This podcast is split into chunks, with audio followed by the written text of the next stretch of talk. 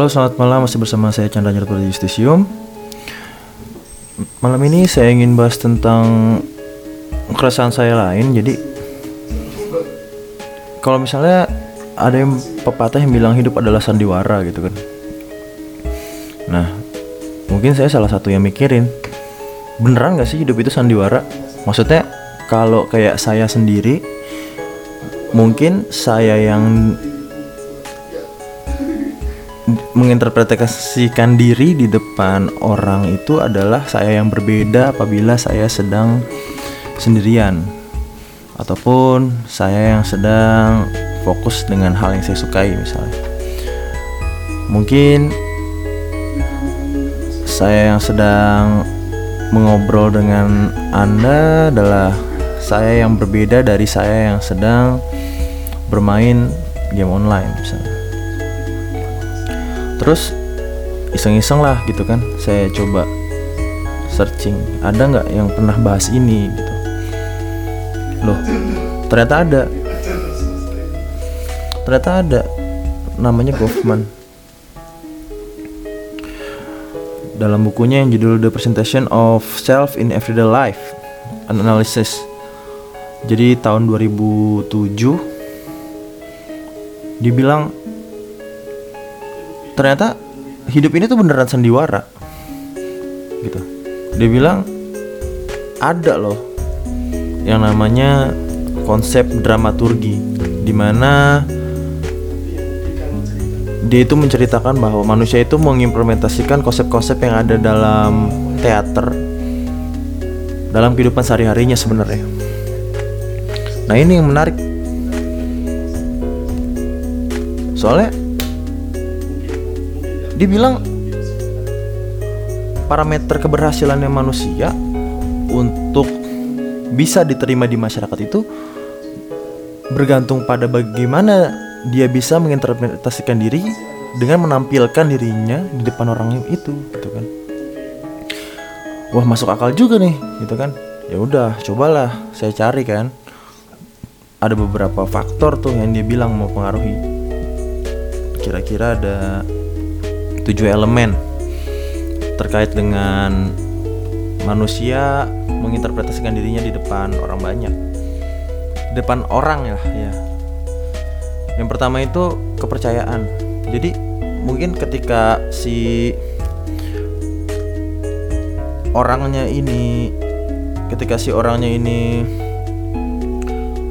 ingin menginterpretasikan dirinya itu dia eh pertama itu harus punya kepercayaan dulu gitu.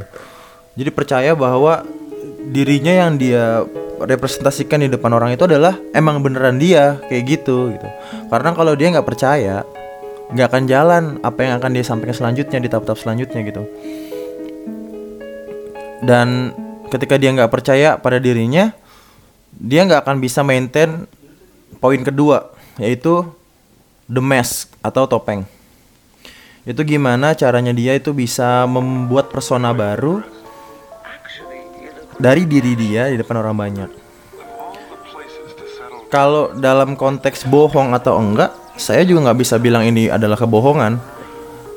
Saya bilang ini adalah branding. Jadi bagaimana dia bisa membranding diri dia dan menampilkan diri dia di depan orang banyak. Topeng yang dimaksud adalah bagaimana dia bisa menyesuaikan diri dia agar dapat diterima dalam lingkungan baru atau dalam lingkungan yang memang mungkin tidak sama dengan lingkungan yang biasa dia hadapi ketika dia sendirian atau tidak. Ya pokoknya ketika dia nggak sama mereka lah kayak gitu. Dalam konteks topeng atau interpretasi diri dia yang baru dia itu harus melakukan tahap ketiga yaitu yang namanya dramatic realization yaitu realisasi dramatis. Di mana dia itu harus bisa benar-benar membuat orang-orang yakin akan diri dia yang seperti itu. Bagaimana caranya? Dia benar-benar mengekspresikan diri dia ketika dia mengalami sesuatu hal gitu yang sebenarnya mungkin nggak benar-benar terjadi dan nggak benar-benar berefek seperti yang dia tampilkan gitu. Misalnya dia kayak merasa sedih gitu misalnya. Dengan kaitannya dengan misalnya kasusnya Suli gitu kan. Nah kebetulan dia gabung sama komunitas atau orang-orang yang punya rasa iba tinggi gitu. Nah dia sebenarnya emang dia punya rasa sedih cuman nggak sesedih itu. Nah dia coba untuk gimana caranya terlihat benar-benar sedih terhadap kasus Suli itu agar orang-orang yang memiliki empati sama itu menerima dia. Itu salah satu contohnya itu dramatic realization. Nah sekali lagi saya bilang, dibilang bohong juga nggak bohong gitu, karena dia juga emang beneran melakukan itu, bener-bener menjalankan apa yang dia inginkan gitu, hanya saja dengan persona baru, seperti itu. Tapi saya nggak akan ngejela, nggak akan membahas jauh tentang persona karena mungkin itu akan lebih luas lagi. Saya akan fokus kepada konsep dramaturginya aja. Selanjutnya, ketika dia bisa melakukan dramatic realization itu, maka akan masuk ke tahap keempat, yaitu idealisasi. Jadi bagaimana sekarang dia udah nggak perlu meyakinkan orang lain itu lagi, tapi dia betul-betul membentuk sebuah karakter baru bagi diri dia untuk diinterpretasikan kepada orang itu. Dan orang-orang itu hanya memikirkan bahwa si A yang asli itu yang dia lihat sehari-hari itu. Ya dia ya jadi istilahnya si orangnya ini udah berhasil gitu menginterpretasikan diri dia dengan persona baru di depan orang-orang itu. Walaupun mungkin dia sendiri belum tentu aslinya seperti itu kayak gitu ketika dia sudah melakukan idealisasi dia sudah bisa melakukan hal di mana sesuai sama keinginan audiensnya atau komunitas yang dimaksud dia tinggal melakukan maintenance of expressive control yaitu bagaimana dia bisa mengatur ekspresinya. Jadi bi ya gampangnya konsistensi lah. Ketika dia sudah melakukan idealisasi dia hanya perlu untuk konsisten dengan tidak mengubah sikapnya dengan tidak mengubah uh, personanya dia di depan orang lain gitu. Jadi orang-orang itu nggak bingung. Sebenarnya yang dia yang sebenarnya dia adalah yang mana gitu. Ya, jadi nggak nggak perlu bingung lagi karena sudah diyakini bahwa si A itu sebenarnya yang mereka lihat sehari-hari gitu. selanjutnya si A ini ketika dia sudah bisa konsisten dia akan bisa meminimalisir efek selanjutnya efek keenam yaitu misinterpretasi ketika dia udah bisa kontrol konsistensinya dia bisa benar-benar mempertahankan itu jadi nggak mungkin ada misinterpretasi dari komunitas tersebut. Tapi ketika dia gagal untuk menjaga konsistensinya, akan ada misinterpretasi dan akan ada pertanyaan di sana, apakah benar-benar si A ini benar-benar sifatnya seperti itu? Apakah ada yang disembunyikan dari kita dan itu akan mengurangi kepercayaan orang-orang itu terhadap si A. Kecuali si A itu memang sifat aslinya seperti itu, gitu. Cuman karena ini kita bicara ada dua persona yang dibentuk gitu, persona A yang asli dan persona yang dibentuk di komunitas, maka saya bilang dia harus mempertahankan konsistensinya itu, maintenance of exclusive control. Selanjutnya ketika dia sudah bisa bisa meminimalisir interpretasi itu, dia nanti akan bisa melakukan mistifikasi. Mistifikasi itu apa sih? Istilahnya dia juga punya sisi misterius gitu sisi misteriusnya ini yang akan membuat dia lebih menarik di depan orang-orang karena seperti yang kita ketahui bersama akan lebih menarik untuk berbicara dengan orang yang kita nggak tahu asal usulnya daripada berbicara dengan orang yang kita benar-benar tahu jadi nggak ada sesuatu yang kita ingin lebih tahu lagi nah ketika orang itu sudah bisa mengkontrol mistifikasinya berarti orang itu sudah sukses melakukan tujuh tahapan dramaturgi dan itu ternyata suka tidak suka banyak kita temui dan mungkin secara tidak sadar kita melakukan itu gitu. Selanjutnya ini hanya yang dilakukan oleh si performer yaitu tujuh tahapan. Nah, si performer ini atau si oh, si A ini memerlukan panggung kan kalau misalnya dia mau melakukan pertunjukan. Nah, ternyata dalam kehidupan juga ada yang namanya front stage, backstage, kemudian outside stage, kayak gitu. Ternyata si performer ini juga hidupnya kayak gitu. Dia ada yang namanya front stage. Jadi masih sama Oh enggak ini baru nih Si Adler Adler Fontana sama Adler P sama Andrea Fontana Di mana dia bilang Dalam bukunya Everyday Life Sociology Tahun 1987 dia bilang Front stage itu dalam kehidupan bermasyarakat pada dasarnya merupakan sebuah tempat di mana manusia itu dituntut untuk mempresentasikan dirinya dengan cara tertentu. Dalam keadaan tersebut, kadang manusia perlu untuk menyesuaikan dengan keadaan sekitarnya gitu.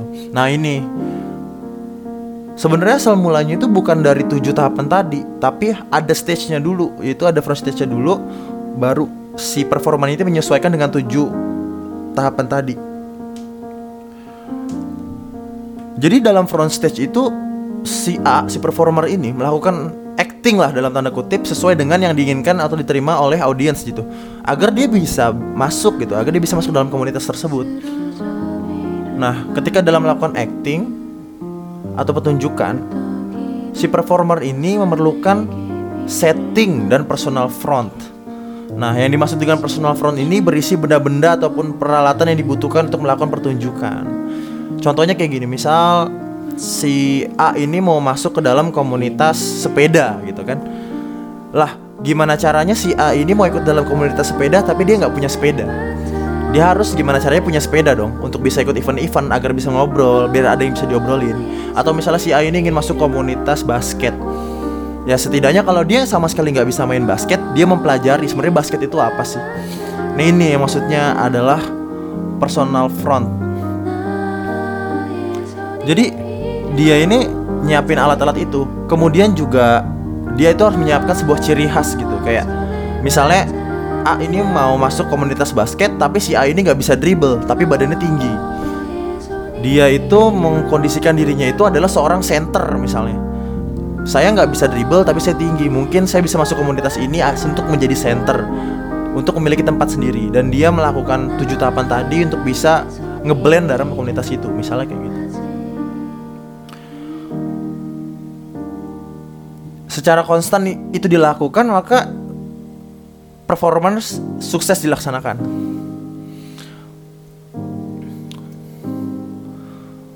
Nah, yang tadi saya bilang itu personal brand itu dibagi jadi dua dua hal. Yang pertama itu tampilan dan manners dan sikap. Yang itu lagi Appearance itu menunjukkan benda-benda yang menunjukkan status sosial dari performer, sementara manners menunjukkan bagaimana performer berperilaku di depan audiens. Manner juga menjadi tolak ukur ekspektasi audiens terhadap pertunjukan yang dilakukan.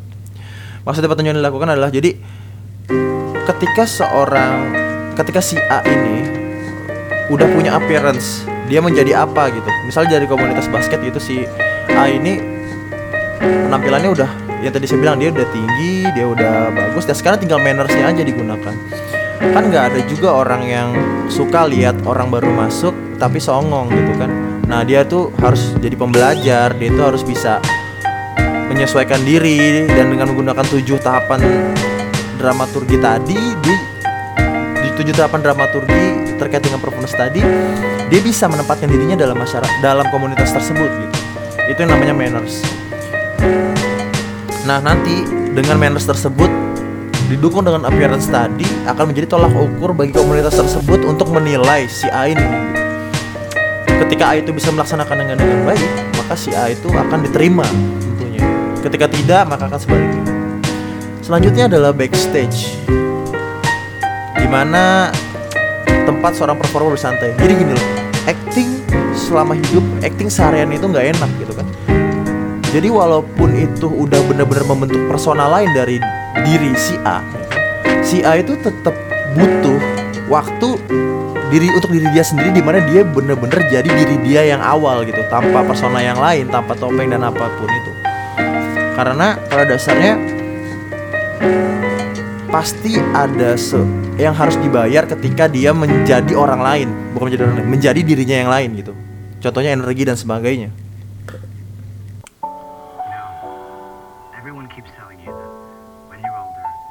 pada backstage ini si A ini melakukan segalanya untuk menyenangkan diri dia gitu. Dia bisa keluar dari karakter atau persona yang dia perankan sehari-hari. Tanpa takut untuk merusak pertunjukan karena nggak ada orang lain gitu yang boleh tahu tentang backstage dia ini. Misalnya dalam tujuh hari ada Sabtu dan Minggu yang diuntukkan untuk diri dia untuk jadi diri dia sendiri sebelum dia masuk ke komunitasnya yang lain. Misal satu bentuk komunitasnya ada misalnya dunia profesional kayak gitu. Dia menyuangkan waktu Sabtu dan Minggu biar nggak keganggu sama yang namanya urusan pekerjaan misalnya. Karena jujur aja daripada saya mengin menganalogikan dengan klub basket sebenarnya yang namanya dramaturgi ini lebih cocok dianalogikan dalam urusan pekerjaan. Karena pada dasarnya dalam pekerjaan itu kita belum tentu bisa jadi diri kita sendiri makanya kita harus membentuk personal lain. Eh kita si A si A itu harus membentuk personal lain. Dan itu melelahkan sebenarnya. Akhirnya dia harus membutuhkan waktu khusus di backstage untuk bersantai. Dan ini suka nggak suka sadar nggak sadar mungkin dilakukan gitu sama kita sendiri gitu. Dan ini satu yang nggak bisa dipungkiri sebenarnya. Yang ketiga adalah out outside stage atau uh, panggung luar. Tempat di mana para individu tidak terlibat dalam pertunjukan apa pun tempat di mana performer bertemu di audiensi dalam keadaan tidak dalam sebuah pertunjukan. Maksudnya apa?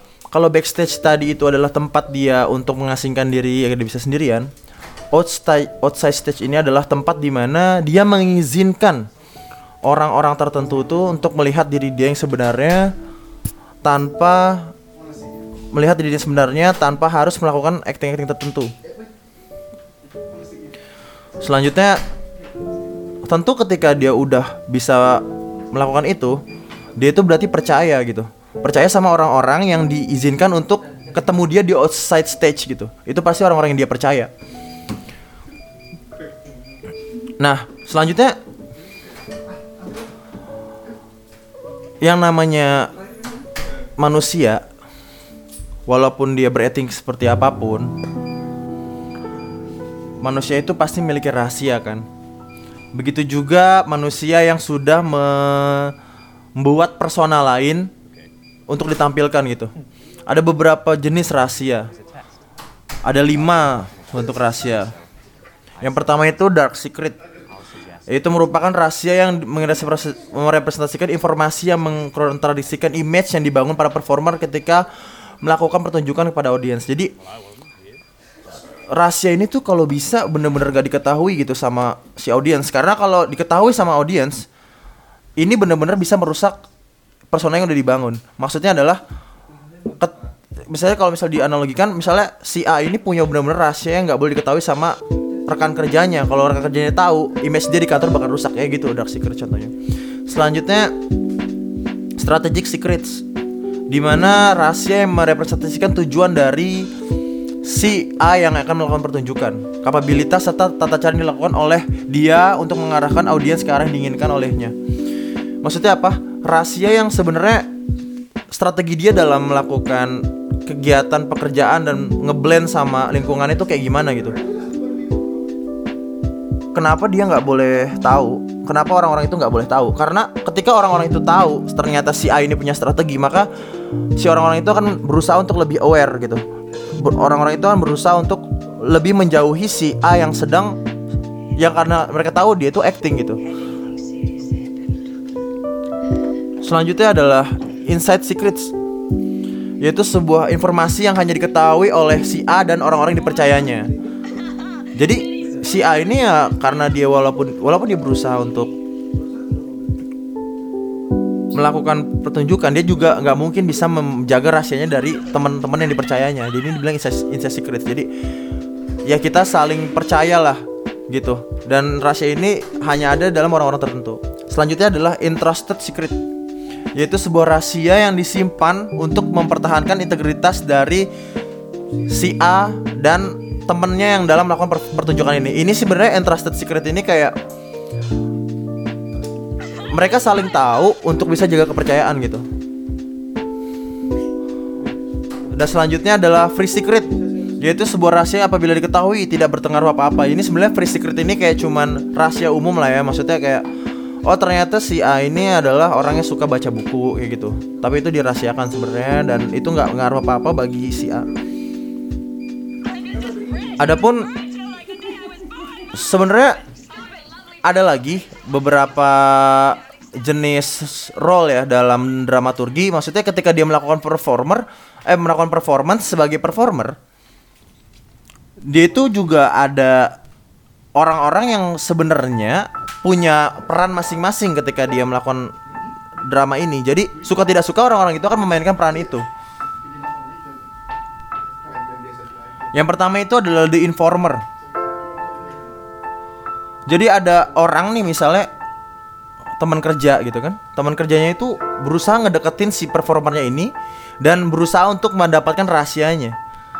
Nah ketika dia udah dapat rahasianya si orang ini di informernya ini akan menjelaskan tentang rahasianya si A ini ke rekan kerjanya gitu. Nah ini namanya bisa dibilang pengkhianat.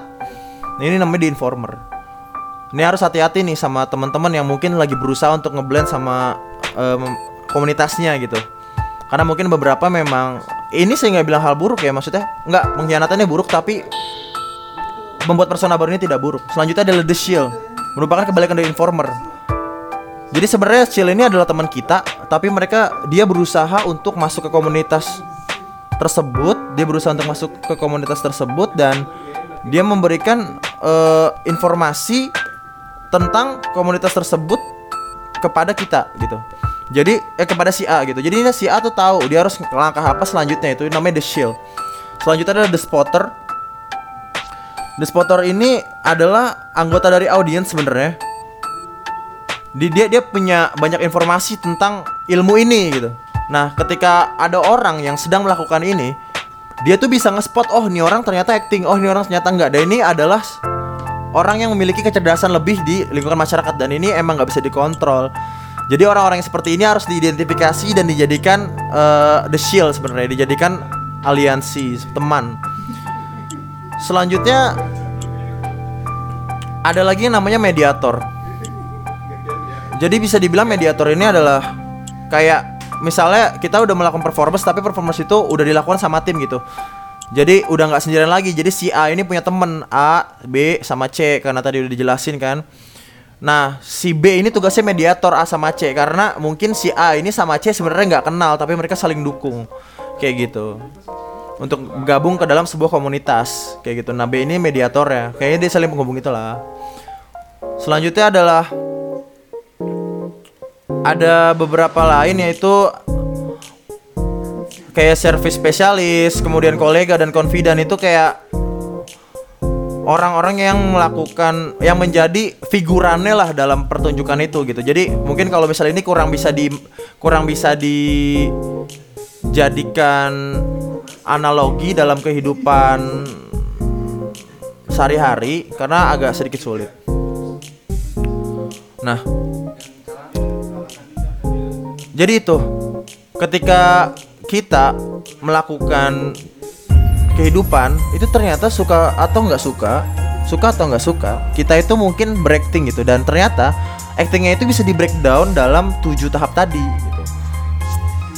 Dan kita akan ada di front stage dan backstage yang seperti tadi gitu. Jadi bagi teman-teman yang merasa ketika bergaul dalam masyarakat itu nggak jadi diri sendiri tenang aja itu bukan sebuah masalah karena itu adalah hal yang sebenarnya normal dan itu memang sudah dijelaskan gitu. Jadi teman-teman lakukan aja seperti yang teman-teman inginkan dan nggak perlu takut karena sebenarnya itu adalah hal yang baik di mana teman-teman berusaha untuk menempatkan diri. Karena mungkin teman-teman sadar kalau apabila teman-teman itu jadi diri sendiri mungkin kurang bisa diterima tapi memang lebih baik kita tidak menggunakan teori ini. Kita lebih baik kita jadi diri sendiri kemudian itu terjun ke dalam masyarakat dan kita coba merubah diri kita yang itu menjadi diterima oleh mereka. Tapi itu akan membutuhkan proses yang lebih lama daripada yang biasanya. Daripada kita menggunakan dramaturgi ini gitu. Itu aja untuk istisiu malam ini. Mudah-mudahan bermanfaat bagi rekan-rekan. Terus berusaha untuk menjadi yang terbaik, terus berusaha untuk bisa bermanfaat bagi orang banyak. Terima kasih yang udah mendengarkan. Saya tutup. Selamat malam.